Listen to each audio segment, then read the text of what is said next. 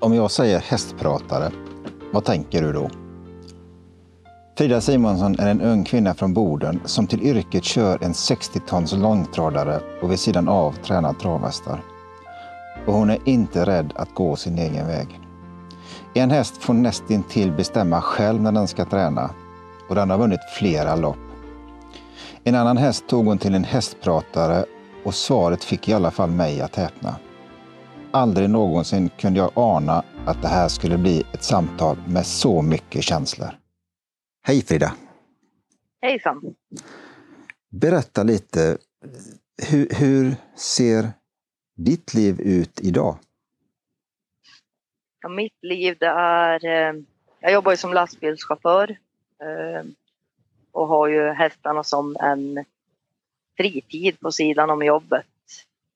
Och jag bor ju tillsammans med min sambo, vår tvååriga pojk, uppe i Boden här. En, en bit utanför stan bor vi. Så innan jobbet så börjar jag i stallet vid ja, halv sju på morgonen. Halv sju, sju. Och gör det jag hinner göra. Oftast hinner jag köra en, två hästar innan jobbet och sen åker jag och jobbar och så åker jag tillbaka till, till stallet efter jobbet. Om det inte skulle köra ihop sig totalt på jobbet för då har jag alltid en plan B. Ja. Här hemma då. Ja. Eh, Så att eh, hästarna blir inte drabbade på något vis om det eh, skulle gå riktigt åt skogen på jobbet. För jag, för jag har sett, det, det är ingen dussinlastbil du kör heller? Nej, nej, det är ju, det är ju, den väger ju runt eh, 60 ton allting när, när jag har fullt last och sådär så att, men jag tycker att det är jätteroligt. Jag, jag gillar ju, jag gillar ju just sådana där, såna där yrken där det är lite större maskiner och eh, ja, men ett väldigt varierande jobb egentligen. Det, det är, lite, det är lite, lite, lite sådär typiskt norrländskt över det att ska det vara så ska det vara ordentligt. Ja, ja, eller Ja. hur? Ja, Jag har ju alltid, jag har ju alltid drömt om att bli polis och, och den drömmen lever väl fortfarande kvar. Så nu även på sidan om så håller jag på att plugga upp lite betyg som jag inte fixade på gymnasiet just för att jag, det var bara hästarna då. Det blev, skolan blev lite lidande för att jag ville prioritera hästarna. Eh, men nu lever lite drömmen om att bli polis fortfarande i mig och så du jobbar i stort sett nästintill heltid. Hur många hästar har du? Eh, jag har sex hästar. Hur många av dem är igång, alltså som eh, du tränar och är aktiv om man säger och som tar, Eh. tar massa tid? Just nu för stunden så tränar tre av dem. Men då, då, har du, då har du absolut inga problem med att få tiden att gå. När hästarna tävlar eh, så tränar de inte så överdrivet mycket. Jag, jag känner inte att, att de måste gå fyra, fem dagar i veckan utan jag kan fara ut med dem två, tre dagar i veckan. Men när jag tränar, då tränar jag ju verkligen. Alltså starthästarna, det är ju inte man får ju inte ut bara och skrittar eller någonting då utan då är det ju antingen galoppintervaller i skogen eller tryckvagnsträning eller alltså då, då är jag ju ute för att träna dem. Ja, Uh, Beach Lover jag har, han är aldrig behandlad och har aldrig behövt behandlas. Men när veterinär tittade upp honom i, i slutet, jag brukar alltid ha en veterinärcheck på dem i slutet av säsongen. ja just det. Och det fanns inte ett fel, alltså vi behövde inte behandla någonting på honom och då känner jag ändå någonstans att hästarna går ju och jag menar sen, de är ju individer och jag anpassar ju varje träning till varje individ. Jag är väldigt individsanpassad på, på träningen för att alla individer klarar ju inte samma typ av träning utan just Lover har jag förstått, där har du en, en specifik filosofi i träningen med han. Ja, ja alltså han är ju då väldigt sådär. äh, Och det märkte väl jag ganska tidigt. Alltså när jag fick Lover så jag fick ju honom av Mats Johansson som har fött upp honom. Och jag, jag skötte ju även Lovers mamma när jag jobbade hos Jesper R. Nilsson. Och då fick jag hem den där hästen och han skulle ju vara så hemsk och allting och liksom ja, farlig. Okej, Men det var han ju då absolut inte. Eh, jag selade ju på honom direkt. Direkt vi kom, alltså bara några timmar efter att jag hade hämtat hem honom så tänkte jag, men jag provar på ut och köra honom en sväng. För han Ja. var ju ridtränad mycket och sådär. Så att jag selade på honom och for ut. Och, alltså han var ju inte dum, han var ju bara stocklat. Så min shetlandsponnyadvokat hade sprungit ifrån honom om han hade varit med. Eh, men eh, då tränade jag lite med honom på det sättet att jag får ut ja, varannan dag men jag körde bara runt 4-5 kilometer med honom innan jag som efter en och en halv månad kunde utöka det där, köra längre. Ja. Och nu då på senare dagar så har det ju blivit med Lover här att då släpper jag ju alltid ut dem. Jag tycker att det är ganska viktigt att de får gå ut en stund innan, innan de ska träna allt och få käka sitt morgonhö och sådär. Och, och jag gör färdigt stallet och, och så, ja men det, det spelar egentligen ingen roll vilken tid på dygnet utan om du går ut i hagen med ett grimskaft, kommer Lover, då vill han, då vill han träna. Ja. Väljer Lover däremot att ser jag att, att han går ifrån, han lägger bak öronen och går ifrån, då, då vet jag att det är inte någon idé. För att eh, en gång har jag ju, eller några gånger har jag ju faktiskt varit tvungen att ta fast honom. För då har det ju varit att vi ska köra intervaller eller någonting. Jag ska in på trav eller jag ska på rakbanan här bortanför mina föräldrars gård. Och då är det ju som, det är ju det där passet innan tävling. Ja. Det känner jag att det måste han ju, det får han inte välja bort själv utan där har han inte så mycket till val. Men han är ju så sur. Alltså han blir ju, han blir ju så att jag har som fått, ja, tänka till om det där hur fasiken man ska göra det där. För att när han inte vill träna då vill han absolut inte träna och det kan handla om det kan handla om timmar. Alltså jag kan gå ut och prova vid, ja men säg 17.00 på kvällen. Ja. Nej, då gick han. Och så kan jag gå tillbaka en halvtimme senare. Då kan han komma liksom. Då är han ju skitlycklig att få gå ut och träna. Så att eh, han är väl som egentligen ja, en kunglighet om man frågar honom alltså. Men det blir ju lätt så.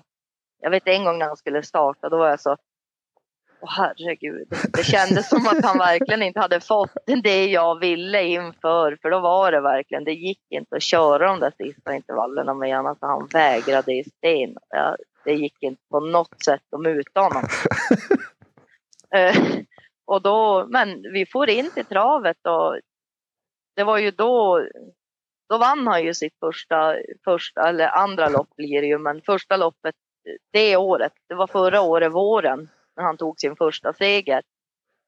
Eh, för 2019 då. Och, och då kände jag att ja, men han, han vet väl själv egentligen. Det kanske är så enkelt att han vet själv att eh, när han behöver och när han inte behöver. Han, han, kör Han den är där, ju- han kör den där klassiken med, med att vila sig i form. Då. Ja, han är verkligen. Och han är ju, Lover är ju inte, eftersom att jag har ju hunnit träna i honom så mycket innan, innan han började starta. Så att den där hästen, han har en enorm grundkapacitet. Alltså han har sådana muskler och det är sånt driv i hans steg. Alltså det är som att köra en, jag vet inte, om man skulle säga att han är en bil så är han alltså en Ferrari. Alltså han är så himla, himla fin att köra.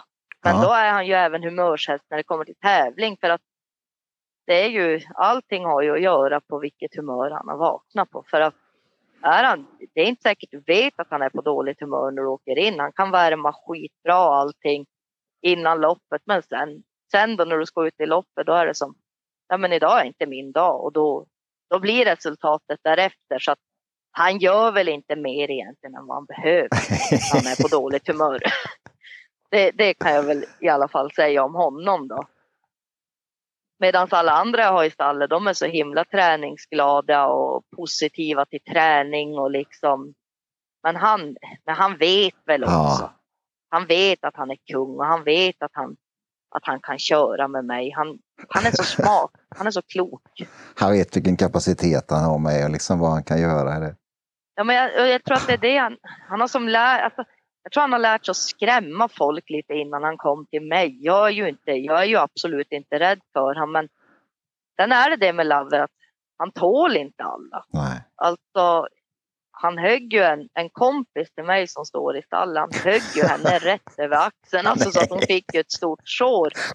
Men det, nej, han skulle aldrig bita mig, men alltså han, han kan hugga andra. Alltså. Men vi är, det där är ju min bästa kompis. Alltså. Jag älskar ju den där hästen. Det, det är ju min bästis. Jag, be, jag behöver ingen annan än Laver egentligen. Det, han förstår mig och jag förstår honom. Och har man en dålig dag så kan alltid Laver få den där dåliga dagen till att faktiskt bli bra. Eh, Även, även när han Ja. inte tränar. Ja, ja. Han är som, jag vet inte. Jag, ibland hade man ju önskat att han kunde prata, att han var en människa. Alltså för att han, han är väldigt sådär... Äh, han känner när han...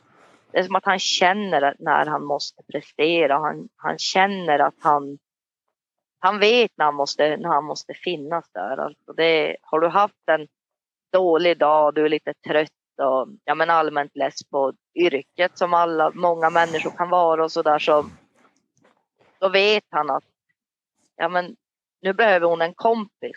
Liksom, och allt innan lopp och sådär så viskar jag alltid i hans öra att eh, för mig spelar egentligen inte resultatet någon roll, bara vi får ut och har roligt alltså för att man har i regel alltid kul med den där hästen när- man kör i lopp. För han ger ungefär i alla fall 90 procent av gångerna så ger han allt han bara kan. Han springer med väldigt mycket hjärta alltså det, det gör han. Så att han har väl egentligen varit min genombrottshäst. Allmänt alltså.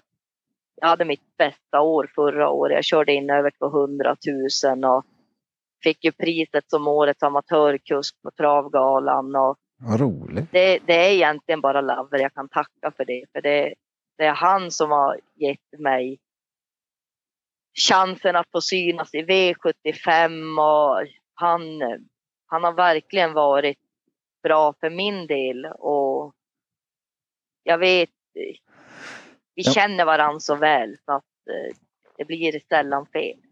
Men du säger ju vissa saker som jag reagerar på i det här läget Frida och det är ju den biten att du gav honom chansen för den han är. Eh, i, i, från första början egentligen. Och, och du visar ett förtroende för honom och en tillit till honom och, och det känner ju han av. Eh, Jo, jo, det tror jag. Det tror jag absolut. Och, och visar upp den kapaciteten som, som han har i det läget. Så det, ja, jag tycker det är skitfräckt. Men Frida, om vi spolar tillbaka bandet, alltså hur, hur har du hamnat här? Vad, vad liksom, vad, hur började det för dig så att säga långt tillbaka i tiden?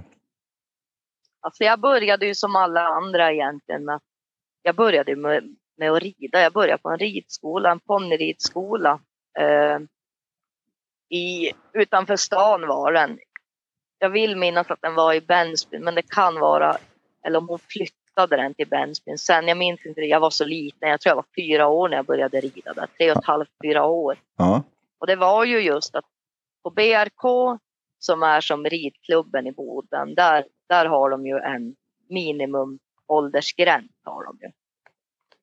Men då hittade mamma den här ponnyridskolan och då började jag rida på som små shetlandsponnysar egentligen. mm. Jag minns väl egentligen inte så mycket från den, den biten. Jag var ju så liten men, men jag vet att jag började där i alla fall. Så det var ju som ridningen men då fick jag min första ponny att ha, alltså en liten shetlandsponny. Hon var tjurig som, ja, jag vet inte vad, hon var typ hemsk. Alltså stoppade upp ett par hinderbommar och skulle hoppa med henne, då var hon gudomlig men hon hatade allt annat. Det var, hon for och bockade, så jag vet inte hur många gånger jag åkte stigbygeln bak henne. Eh, och blivit avkastad i djupsnön alltså för att hon var verkligen, det var verkligen en speciell hästen där. Och vi hade henne på foder i ett, i ett år ungefär och då stod vi i ett stall hos ett par bekanta till mamma och pappa eh, som hade travhästar. Jag vet att jag sa till, till Kerstin och Janne hela tiden, och gud vad jag vill hålla på med trav. Jag vill, det ser så roligt ut att köra. Och då berättade Kerstin och Janne för mamma och pappa att det finns ju en ponnytravskola liksom. Men eh, att eh, ja, den håller ju som till på Bodentravet. Ja, ja, Men då började jag rida på BRK en sväng till då. Innan jag som tog slag i, i saken och började i ponnytrav. Alltså jag tror att jag var runt 10 kanske när jag började med ponnytravet. 9-10 kanske.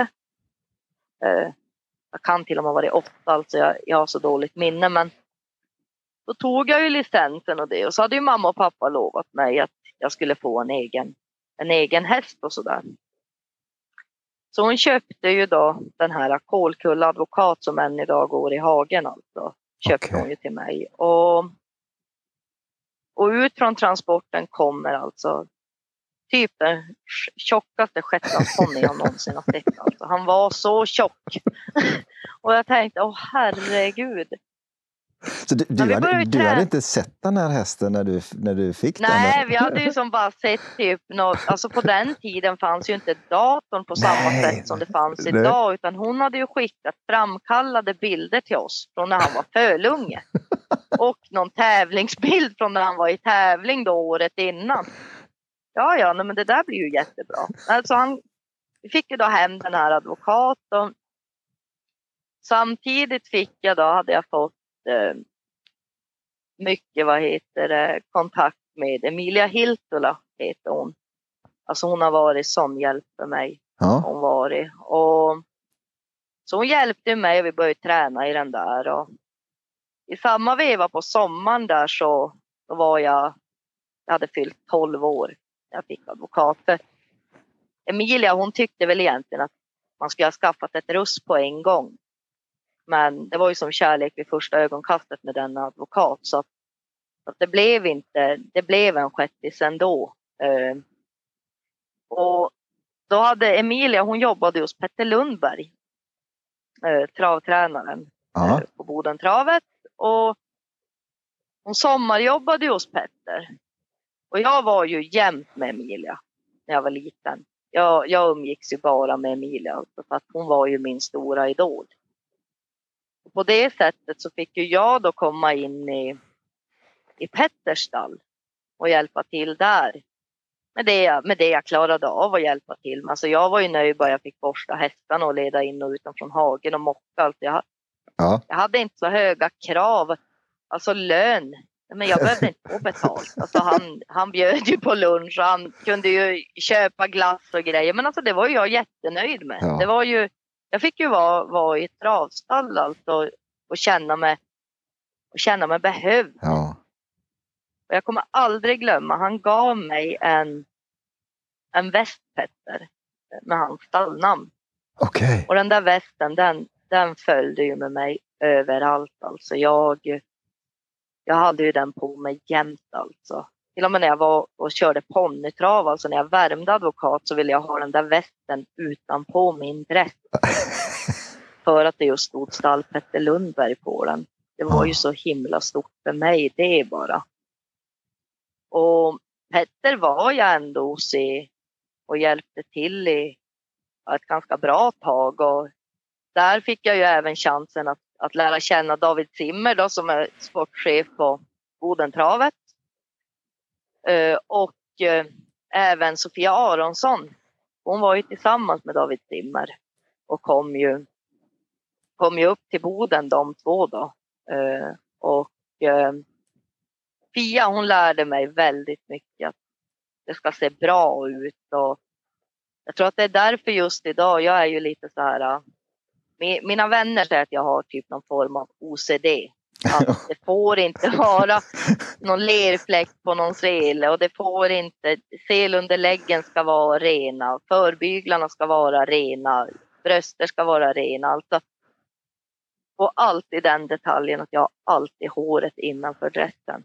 Och det var en sån där grej som Fia, Fia lärde mig, att det, det ser så himla bra ut när man har håret under dressen alltså. Eller att det bara fladdrar utanpå. Och hon har ju varit väldigt, väldigt, lärt mig väldigt mycket som jag än idag har med mig. Alltså allmänt med hästträning och sådana där grejer. Och,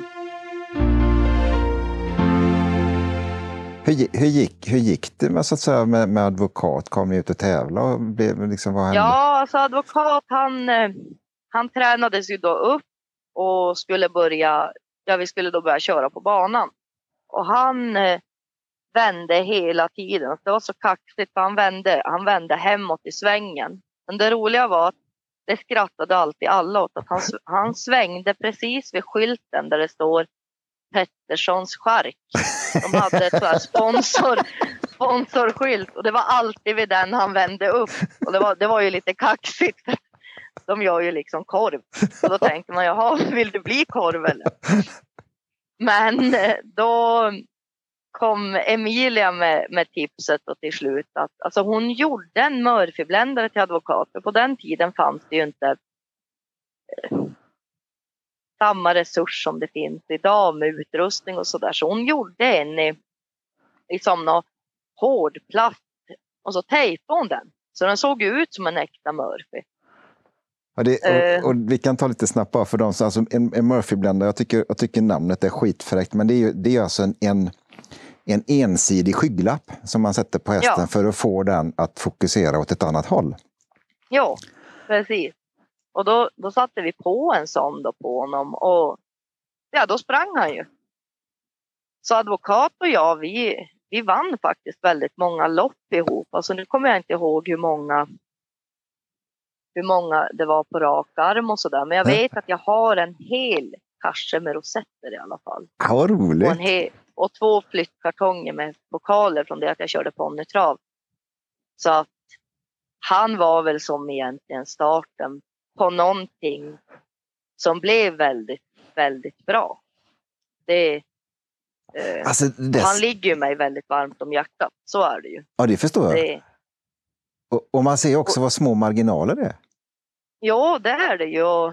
Jag menar idag, han är ju, han är ju perfekt till mycket för han är ju alltid den här, äh, ja, alltså när jag får upp unghästar och sånt där så oftast de äldre hästarna kan ju vara lite som elaka mot dem. Jag, jag fick upp en här bara nu förra veckan.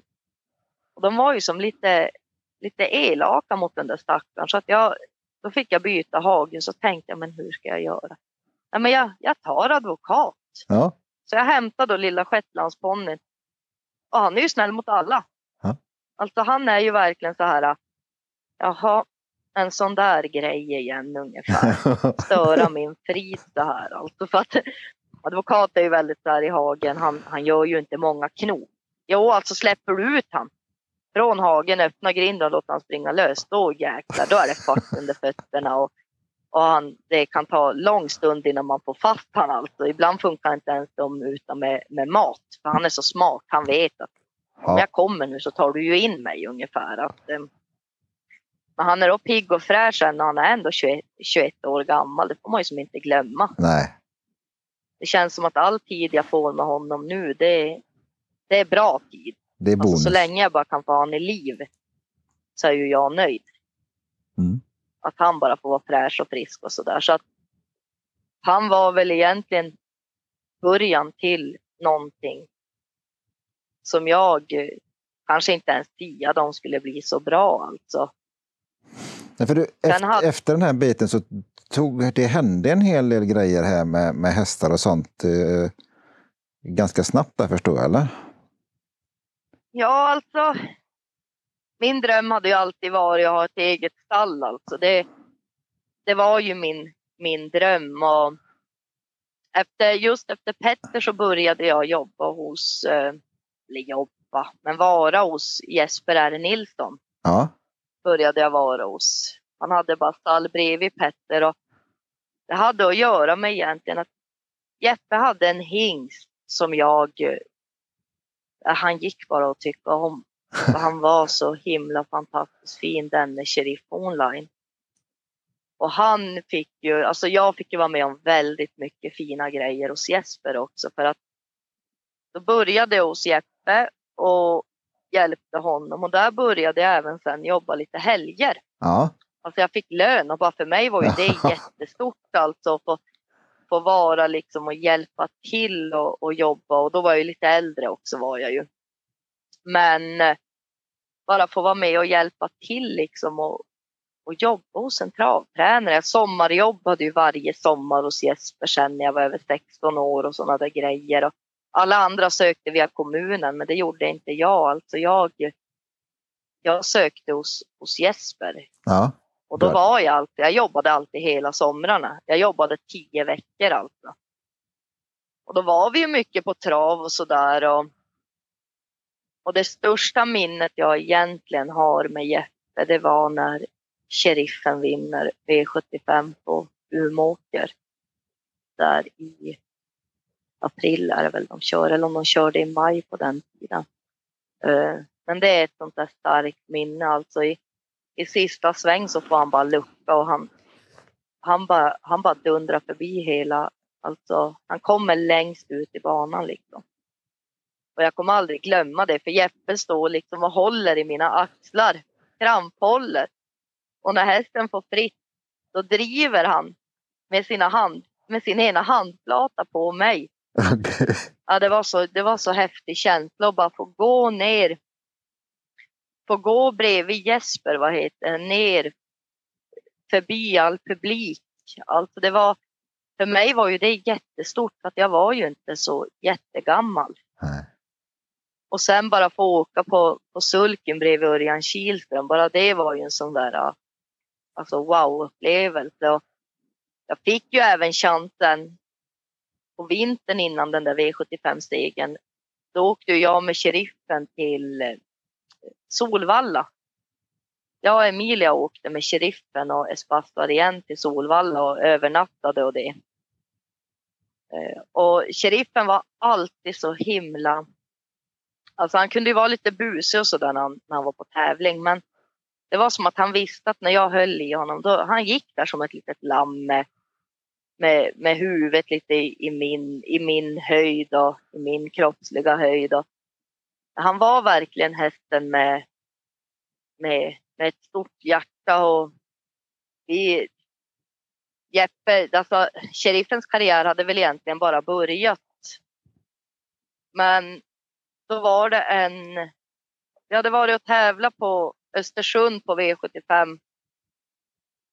Om jag inte missminner så var han fyra där. Han hade, jag tror han hade ganska dåligt läge den gången. Och jag hade varit på Östersund och så anmälde Jeppe ut honom till V75 i Boden så han startade där också från ett skitdåligt läge. Han hade lite, lite otur ibland med spårlottningen, men det har väl alla. Och ska han ut, det är ju midsommartrav varje år i Skellefteå. Det har ju alltid varit en sån där grej vi, vi har varit på. Eh, han var ju anmäld dit, sheriffen. Var han ju. Och hade gått sitt sista jobb inför det där och kände sig så jättefin. Det var ju alltid Jeppe som körde Ja. körde jobben med honom. Eh, och jag skulle åka lite tidigare från stallet den dagen. Eh, men för att jag skulle till tandläkaren. Så att eh, jag gick ju alltid och, och sa godnatt till den där hästen och gav han liksom morötter för han stod ju kvar i hagen när jag for. Och så ringer telefonen eh, till en som eh, till bekant till mamma och pappa på kvällen att eh, sheriffen var jättedålig. Va? Typ kolik alltså. Ehm, och jag kände ju direkt att vad fasiken, jag måste ju åka dit. Och Jeppe själv var i Finland för han hade åkt till Finland. När jag får till tandläkaren så får han till Finland så det var två kvar och jobbade i stallet. Eh, men jag, jag åkte dit i alla fall. Och jag började liksom promenera med honom. Han var ju jättedålig. Alltså han var i jättedåligt skick när jag kom dit. Eh, och vi gick, vi gick hela natten med honom och vi fick gå med honom inne i stallet för att det kom världens åskoväder. Det bara dundrade ner åska fy fan. och blixtrade utanför. Så att tack och lov hade Jeppe så pass stor gång och lång gång så vi kunde gå fram och tillbaka där med han. Och så tänkte vi som lite senare på natten när vädret hade lugnat ner sig att ja, men vi går upp på banan för då kanske han blir lite så här. Men alltså go, att han, man kanske får honom att, skita eller någonting då liksom för att han, han kanske tänker att men här brukar vi ju tävla. Ja. Och vi tyckte som men gud, han har blivit lite piggare och jag minns det där för vi gick alltså, ena delägaren till sheriffen, han går med en, en grep som sheriffens dropp hängde på. Gick han och höll bredvid när jag och Sara gick med hästen. Och ehm, ja, men då kommer vi upp på banan och så jag tänkte men gud vad pigg han blev. För det bara tvärslog till att han blev så lite piggare. Och så öppnar vi. Då kollar vi bara på, ser som på tungan att den är blåaktig. Oh. Och då var ju hela munnen var ju blå och det betydde ju att det hade ju brustit. Alltså han var ju blodförgiftad i, i hela kroppen för tarmarna hade ju brustit. Och ja, det var ju bara att ta bort han. Och jag vet att, att Petter var där och han sa till mig att ja, men ska du verkligen vara med och se det här Frida? Men jag var så tjurig. Jag, jag hade ju liksom lovat någonstans i allt det här. Men jag hade ju lovat honom att, att jag skulle vara med honom alltså hela tiden. Jag minns att jag var så arg för att jag hade en, en rosett. Det var min turrosett. Alltså den, varje häst jag hade satt på den där rosetten på hade vunnit lopp. Och det var ju det första jag gjorde när jag kom. Jag flätade ju dit den där på sheriffen för jag tänkte att kanske är något tur över den där. Men jag minns att jag, jag drog av den från hans pannlugg och, och kastade den i soptunnan. För, jag menar, jag var ju inte så gammal så Nej. då var det ju som att jag var sviken av den där. Alltså. Ja. Det, och det, det är faktiskt första hästen jag har sett. Har sett faktiskt eh, somna in framför mina egna ögon. Och, Fy. och så, så ung men ändå så.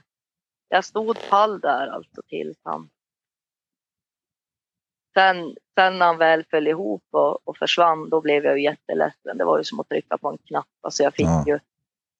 Alltså jag grät så mycket så att jag fick inte luft alltså.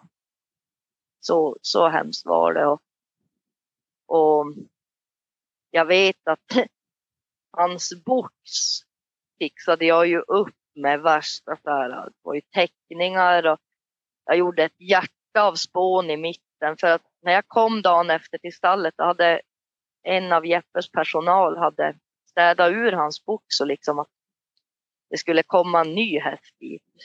Men det köpte inte jag så vet jag hängde upp hans förbygel och hans tecken med namn och formade ett hjärta i mitten av den och skrev med spån i text och runt det där hjärtat. Och, eh, och det fick vara kvar. Alltså Jeppe, Jeppe hade ju kvar det där ganska länge. Sen ringde han ju faktiskt mig och frågade att vi behöver använda boxen. Att Mm.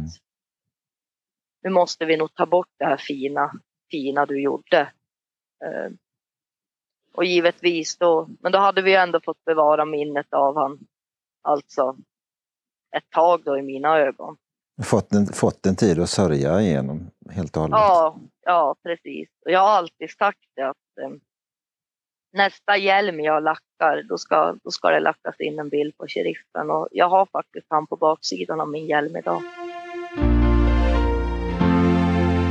I det här läget eh, med, med sheriffen och när, när han gick bort i den biten, hade du kommit över och köpt någon egen storhäst ändå? Eller hur, hur, eh, ehm, när han gick bort så det tog ju ett tag innan vi egentligen skaffade första varmblodet. Men det var ju som med mina föräldrar. Men min första egna häst, det var en ung häst. Jag hade ju lite storhästar och sådär. Äldre travare som, nej, de gick väl lite si sådär. Men första unghästen jag köpte, den köpte jag, vad heter det, tillsammans med Jesper. Jeppe ringde Ja. till mig att ehm, och Frida, jag har hittat en, en halvsyrra till Global Kid. Det var ju en väldigt fin häst Jeppe hade. Eh, från Global Farm då. Och då kommer då denne Global Only in i bilden.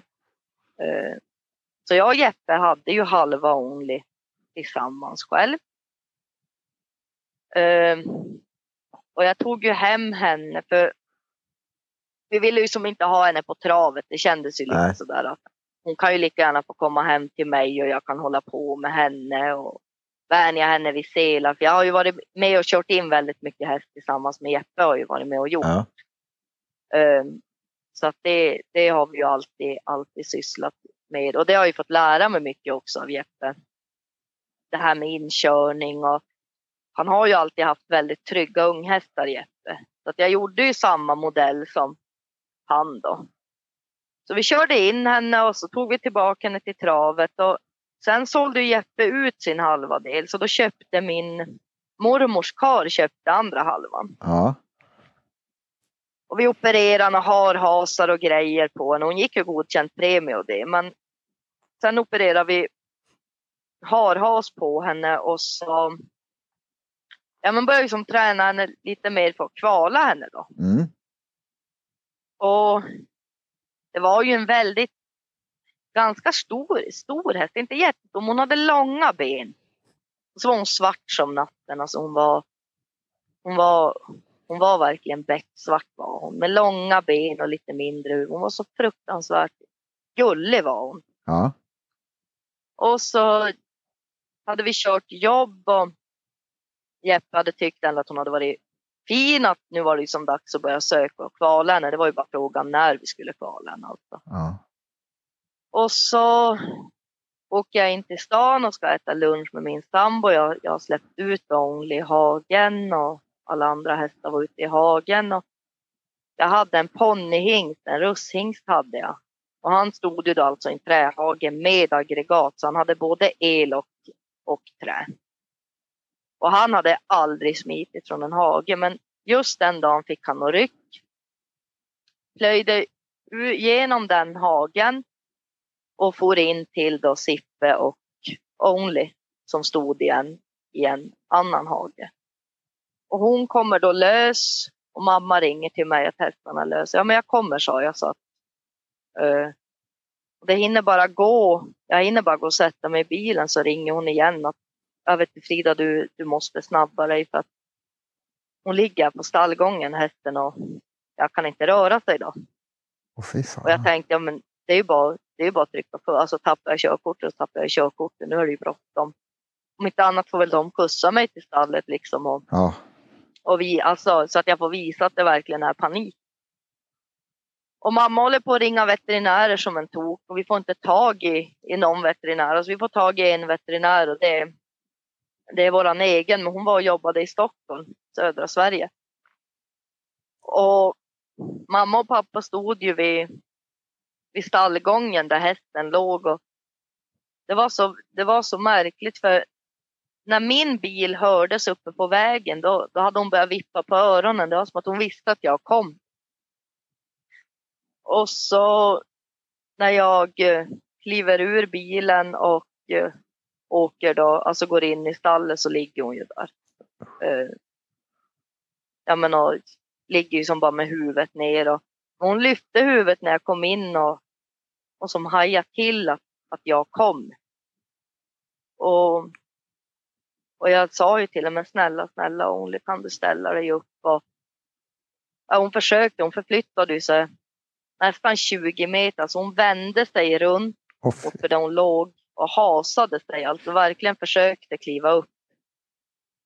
Och ehm, eh, då satte jag mig, men då tänkte jag, men kanske ska se om kocken släpper, för det är ju svårt att säga vad som har hänt. Ja. Alltså det, det kan man ju inte veta, man har ju inte röntgensyn. Och jag ropade ut till mamma att hon skulle ringa till Jesper. Att han kan ju kanske komma hit. Och då sitter jag med hästen och så kommer Jesper in i stallet.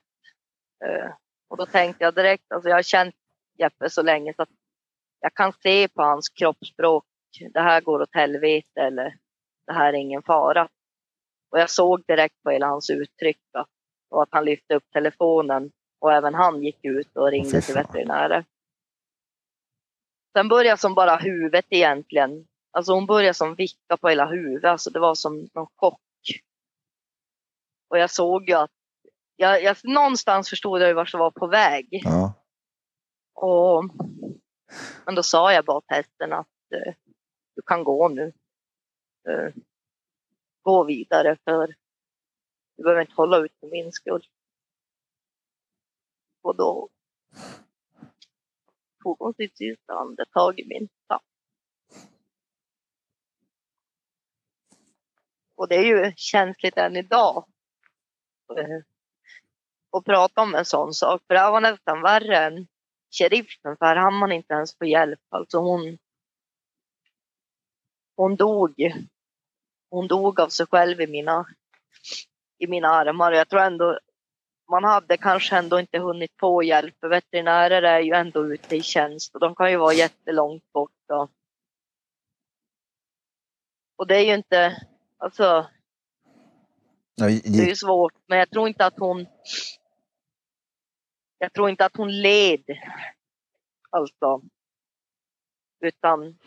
Och vad som har hänt, det vet vi egentligen inte för att det blev ju aldrig någon obduktionsgrej på henne eller någonting Nej. utan Fan vilken smäll alltså. Ja, Två år just efter... på ganska kort tid också. Ja, alltså var ju fyra år när det där hände.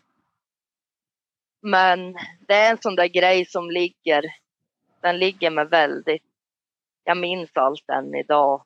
Alltså känslor, allting. Och jag sa ju sen att jag ska inte ha någon mer unghäst för jag vill inte bli så här ledsen igen.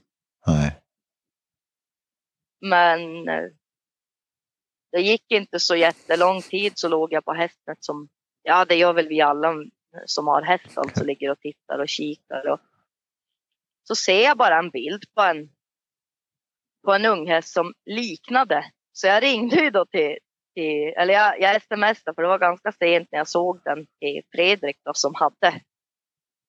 Och då skriver han till mig, men vilken av dem menar du? Jag bara, har det två? Ja, och så skrev jag då vilken häst det var jag menade. Jo, det är två.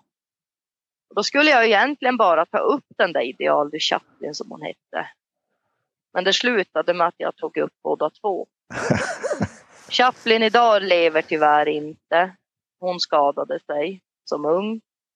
Men Rose har jag fortfarande kvar. Och det är ju en sån här, det är en sån här häst. Hon, hon har inte gjort ett fel egentligen. Alltså, när jag har tränat henne eller någonting utan hon har hon har bara gjort rätt. Har hon bara gjort. Alltså hon var jättelovande som tvååring men blev lite het och så där när jag hade kvalat henne efter det så så var hon som inte riktigt sig själv. Hon kunde hon stannade mitt i allt. Inte att, inte att jag fick känslan att hon var istadig utan det var mer bara att hon var lite nej men nu gick jag inget mer ungefär. Nej. Så hon kvävde sig så illa i, i kvalet sista fem. Alltså, hon tappade luften så, men hon, hon kämpade ändå in i mål och klarade kvalet. Alltså hon, hon kände ju själv alltså att så vi joggade ju som i mål sista 500. Det var ju det jag kände, men gud varför är hon så här het? Ja. Och då ställde jag av henne i hage. Jeppe sa det till mig. Frida ställ av den där, låt den där vara för att det där kommer inte bli bra. Men så jag ställde av henne och, och rörde henne inte. Och det här är väl egentligen sånt man, man vet ju inte. Alla kanske inte har samma uppfattning som mig. Men jag tog faktiskt en hästtalare på henne gjorde jag. Eh, Okej. Okay. Som, ja, det, var så, det var så kaxigt när jag läste de där papperna för att då säger liksom Rose att Frida måste sluta med sitt negativa tänk. Hon kan inte stå och säga till alla i stallet få se hur det går idag när vi är ute och tränar ungefär. Att Va? förväntar ju sig av mig att jag ska göra fel. och då gör jag fel. Jag blir förbannad, menade hästen på. Då säger min kompis att ja men du gör ju så så. Det är ju din största oro när vi ska ut och köra. Vad kommer Rose göra idag? Hur kommer det här gå? Och det är väl för att jag har sådana visioner över henne. Alltså jag, jag har sån förhoppning på den där hästen så att det, det jag själv måste ändra mitt tankesätt. Och så du... sa hon bara till Kerstin att Frida ska inte tänka magnet, spik. Fattar du? Du ska tänka spik. En spik och en magnet går ihop. Två magneter med samma sida går inte ihop. De stöter ifrån varandra. Så jag ändrade faktiskt helt tänkt när jag hade läst det där. Och jag tog bort de här negativa tankarna i att se hur det går idag. Jag levde som mer bara i nuet, att det här kommer gå jättebra. Men jag, jag, måste, jag, måste, jag måste få skjuta in här, Frida. Kommunikationen mellan dig och den här hästprataren innan. Ja. Ingenting av det här hade framkommit. Liksom. Nej. Du hade inte gett någon information om Nej. hästen. Nej. Jag skrev bara till henne på jag skrev bara till henne på Messenger att jag behövde hennes hjälp. Och hon frågade bara mig. Vad heter hästen? Vill du fråga något speciellt? Och jag, då skickade jag bara namnet och nej, jag vill inte fråga något speciellt. Jag vill bara veta om det är någonting som är fel. Och det fick jag ju svar på då. Eh, och jag tänkte ju om. Jag tänkte att jag provar. Och idag kör jag henne på två fingrar och hon gör inte ett fel. Fan vad häftigt. Ja, så det där var alltså kommunikationen. Sen väljer jag ju egentligen vem jag säger det där till för att jag vet att det finns de som skrattar åt det. Eh, att, det att det är bluff. Men det här är verkligen inte en bluff för hon visste ingenting. Jag menar hon visste inte. Det sa ju även hästen också. Mina föräldrar har en pojke boende hos han brukar vara och hjälpa mig i stallet. Och när Rose nämner honom. Hon nämner honom. Att han brukar vara där och se åt hennes håll. Då gick det upp för mig ännu mer. För jag skriver inte allt på Facebook. Jag har inte Nej, skrivit nej. ett ord över hur Rose har betett sig eller någonting i skogen. Och det här hon har hållit på med. Och jag menar Kerstin vet ju inte att jag brukar säga till Malin att få se hur det går idag. Det har ju inte hon en aning om. Nej. Och då, då gick det verkligen upp för mig. Så att eh, det, det har varit en väldigt stor hjälp med den där hästen. Jag, jag hoppas verkligen att, att det är som hon själv säger. Jag kan springa fort, men det gäller att vi kommunicerar med varandra. Frida behöver inte tvivla på att jag inte kan springa, för jag kan springa. Och det tror jag att hon kan, det, eller jag vet, jag vet med säkerhet att hon, att hon kan det. Men, men jag, jag har verkligen gått i det här att jag har ingen stress någonstans. Alltså, har jag gett Lover så många år som jag har gett honom, då kan jag ge Rose minst lika många år Mm. också. Det är de detaljerna man inte får missa. Nej. Jag gillar ju, jag älskar ju problemhästar. Jag älskar ju sådana där hästar som, som är lite problematiska. Jag vet vi hade en, en ung häst hos Jeppe. Den var, den var ganska dum alltså.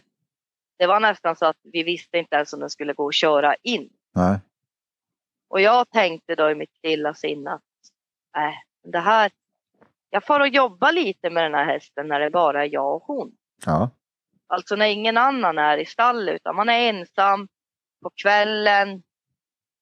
Så jag får ju börja träna med den där för den fick ju panik när vi satte den i kedjorna. Okej. Men då stoppade jag ett långt grimskaft så hon stod som inte fast. Nej. Så hon stod ändå, hon hade två kedjor. Men de var så, sl- så slaka så att hon, hon fick inte panik. Och så började jag träna med den där hästen. Och så efter någon vecka så sa jag till Jeppe att nu går hon och sela. Och då kunde vi faktiskt hemköra henne. Och det gällde bara någonstans att jag tror att den där hästen hon, hon ville ha lugn, Ja. lugn och ro. Alltså känna sig trygg. Och jag menar, på den tiden hade Jeppe väldigt mycket häst i träning så att det, det blev ju, vi var ju oftast mycket folk och sådär men då passade jag på på kvällarna och faktiskt åka dit och jobba lite med henne själv. Ensam då och nej men hon körde sig in och allting. Alltså det, det var ju inga, men jag har ju alltid varit mer intresserad av sånt som folk inte vill ha. Nej. Alltså, sådana vill ju jag ha. Så jag har ju en till i stallet idag som, som kom till mig. Och han hade ju kört jobb och sådär med henne runt 28. Och, ja, jag tänkte, ja men får se. Ja, det kommer ju idag. Hon hade gått på bete så hon var ju, hon var ju som, ungefär som min shetlandsponny Okej, han ja. använde fast i storhästformat. Ja. Eh, men jag började träna henne lite grann i skogen, i tryckvagn och sådär. Ja, det var ju en fin travare, det kände jag ju i lägre farter. Och så när vi hade tränat och fått bort mage och det var dags att börja köra lite intervaller med henne så gick hon ju bara i passgång. Det var ju, fanns ju inget annat. Alltså det, det gick att köra 30. Sen hoppade hon över i passgång. Jaha, då köpte jag remontskor, grön filtsula och så stoppade jag på 200 grams viktboots på varje fot. Då får jag ut och körde intervaller och då gick det 25 en intervall. Eh, och den hästen har faktiskt redan vunnit lopp. Jag vann med henne för någon start sedan i Boden, autolopp. Och det, det är verkligen en sån där uh, också att, att man måste ge dem chansen bara för att det här är en så fruktansvärt fin häst. Hon, är ju, hon har ju en väldigt bra inställning till saker och ting. Ja. Sen att hon är lite valpig än, jag menar hon är ju, hon är ju äldre är hon ju, men hon har ju inte tävlat Nej. förrän nu. Nej. Så att hon är ju som en treåring kanske om man tänker i tävlings i tävlingssammanhang. ja, precis. Men jag har alltid gillat sådana där, äh, alltså hästar som det har varit problem med. Och det vet jag, så jag, när jag gick gymnasiet så fick jag ju, då slutade som mamma stoppa mig. Att, ja, men, hon måste själv känna sina begränsningar. Och jag hade som mest 11 hästar när jag gick gymnasiet. Men det var en väldigt kort session för att jag kände ju själv att det går ju inte. Nej. Det går ju inte. Och då, då höll jag på både med hoppning och trav. Men jag, jag bestämde mig bara att nej, jag lägger ner hundra på travet. Ja. Och jag vet när jag hade som mest häst så jag kan skratta åt det än idag för att mamma hon har ju alltid ja men låt flickan hålla på. Ja. Och pappa har ju varit ja men en till häst igen. Ja. Så vet, om jag typ hämtade någon häst från travet. Då lastade jag ut dem när jag visste att pappa inte var hemma. Så jag får och hämta dem när jag visste att pappa inte var hemma och så gömde jag dem i hagarna bakom garaget. Men problemet var ju bara med det är ju att han är ju i sitt garage hela tiden och kör ju in bilar genom den där porten. Så att när jag hade ju glömt bort att min pappa kan ju faktiskt räkna. Och han kan ju se skillnad på dem. Jag menar, kommer det mitt i allt en häst med en stjärna i pannan? Det märker ju han direkt. Eh, men idag, idag behöver jag inte göra det för att idag, idag är jag så pass gammal så att eh, men jag vet att jag brukar skratta åt det där än idag och säga det till pappa. Kommer du ihåg när jag gömde hästarna för dig liksom? Ja, och det var ju väldigt smart gjort. Du glömde bara bort att jag kan räkna och faktiskt har ögon. Men det, det är ett sånt där ganska roligt minne liksom att, att, är, att han... ja, är, är, är, dina föräldrar med på typ och äger hästar och sådana saker också eller? Nej, det är de inte. Eller de var, men... eh, Men de, de låter mig hålla det där på min, min egen kant. Men de har alltid varit ett väldigt stort stöd för mig. Eh, De har...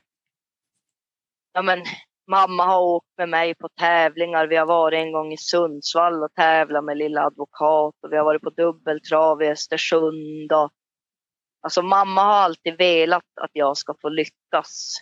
Ja. Ehm, Så pappa har alltid stannat hemma och skött det som är hemma och, och jag och mamma har åkt iväg och tävlat. Alltså, de har varit en, och är en väldigt stor del för mig eh, i detta.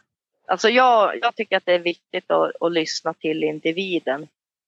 Som Lover då till exempel. Nej, men, när han inte vill, då vill han inte.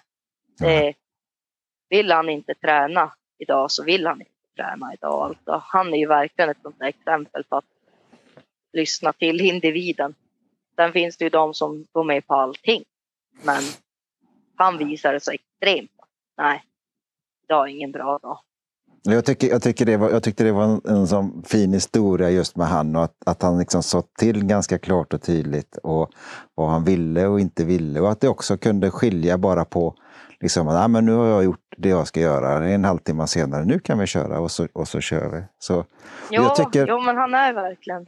och, och just det här att, som du säger, att, att lyssna på individen, lyssna på vad de säger. Jag tycker, det, jag tycker Ja. det är väldigt bra avslutningsord egentligen på hela den här eh, samtalet som vi har haft. Ja. Eh, jag är men det jättetacksam. jättetrevligt. Ja, jag, jag tycker det har varit jättetrevligt att få sitta och prata med dig en stund Frida. Och, eh, eh, jag önskar naturligtvis dig all, all lycka till i framtiden. Eh, och eh, vi kommer förmodligen, eller vi kommer att höras av längs vägen. Det är jag helt övertygad om. Så tack så jättemycket. Ja, det tycker jag. Tack så mycket själv.